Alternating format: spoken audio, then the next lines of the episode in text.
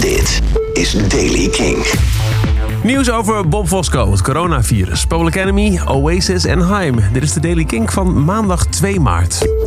Afgelopen vrijdag, zo heeft zijn familie bekendgemaakt, is zanger, muzikant, presentator en acteur Bob Fosco overleden aan de gevolgen van kanker. Hij is 64 jaar geworden. Fosco werd onder andere bekend als zanger van De Rachende Mannen met Poep in je hoofd als grote hit in de 90s. Hij was bezig met een afscheidstoer en hij zou ook nog optreden op 11 maart in Paradiso Amsterdam, maar dat optreden gaat begrijpelijk niet door. Verschillende artiesten, zoals Sam Fender en Agnes Obel, hebben shows moeten cancelen in Zwitserland. De Zwitserse overheid heeft namelijk bekendgemaakt dat alle evenementen waarbij meer dan duizend mensen aanwezig zijn, voorlopig worden geschrapt of uitgesteld in verband met het coronavirus. De regel geldt in elk geval tot 15 maart. Mensen die kaart hebben gekocht voor een van de afgelaste concerten kunnen contact opnemen met de aanbieder van de tickets voor een oplossing. Public Enemy heeft Flavor Flav ontslagen. Het komt nadat Flavor Flav kritiek uitte op het optreden van een uh, Public Enemy afspinsel, eigenlijk. Public Enemy Radio heet het. Een, een ding van Chuck D.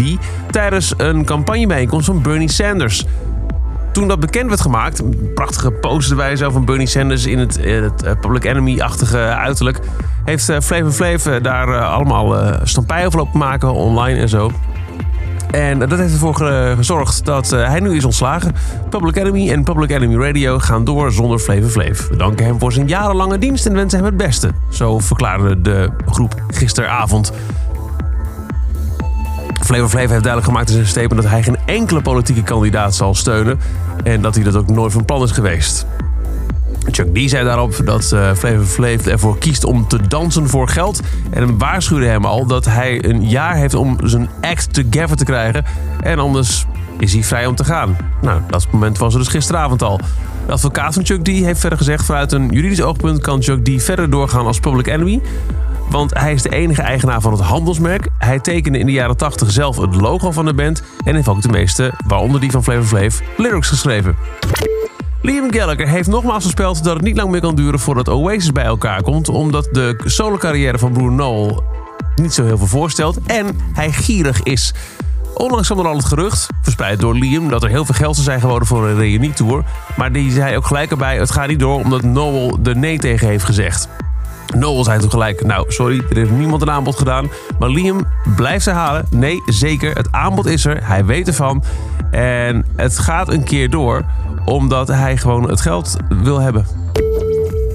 En dan Haim. Zij komen vandaag met de titel van hun nieuwe derde album. Wie kan raden wat WIMP betekent?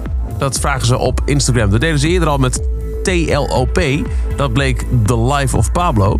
En nu kun je een gratis Heim shirt winnen als je weet wat WIMP eigenlijk WIMP 3, want 3 staat voor derde album. Wat WIMP betekent. Uh, heb, je het, heb goede antwoord, dan win je een t-shirt. Maar je wint ook een t-shirt, zo stelt de band in hun Instagram-posting. Als je hun antwoord, jouw antwoord hen aan het lachen weet te maken. Tot zover de Daily Kink. Elke dag een paar minuten bij met het laatste muzieknieuws. De Daily Kink hoor je dag in dag uit via de Kink-app, kink.nl of waar je ook maar naar de podcast luistert. Elke dag het laatste muzieknieuws en de belangrijkste releases in de Daily Kink. Check hem op kink.nl of vraag om Daily Kink aan je smart speaker.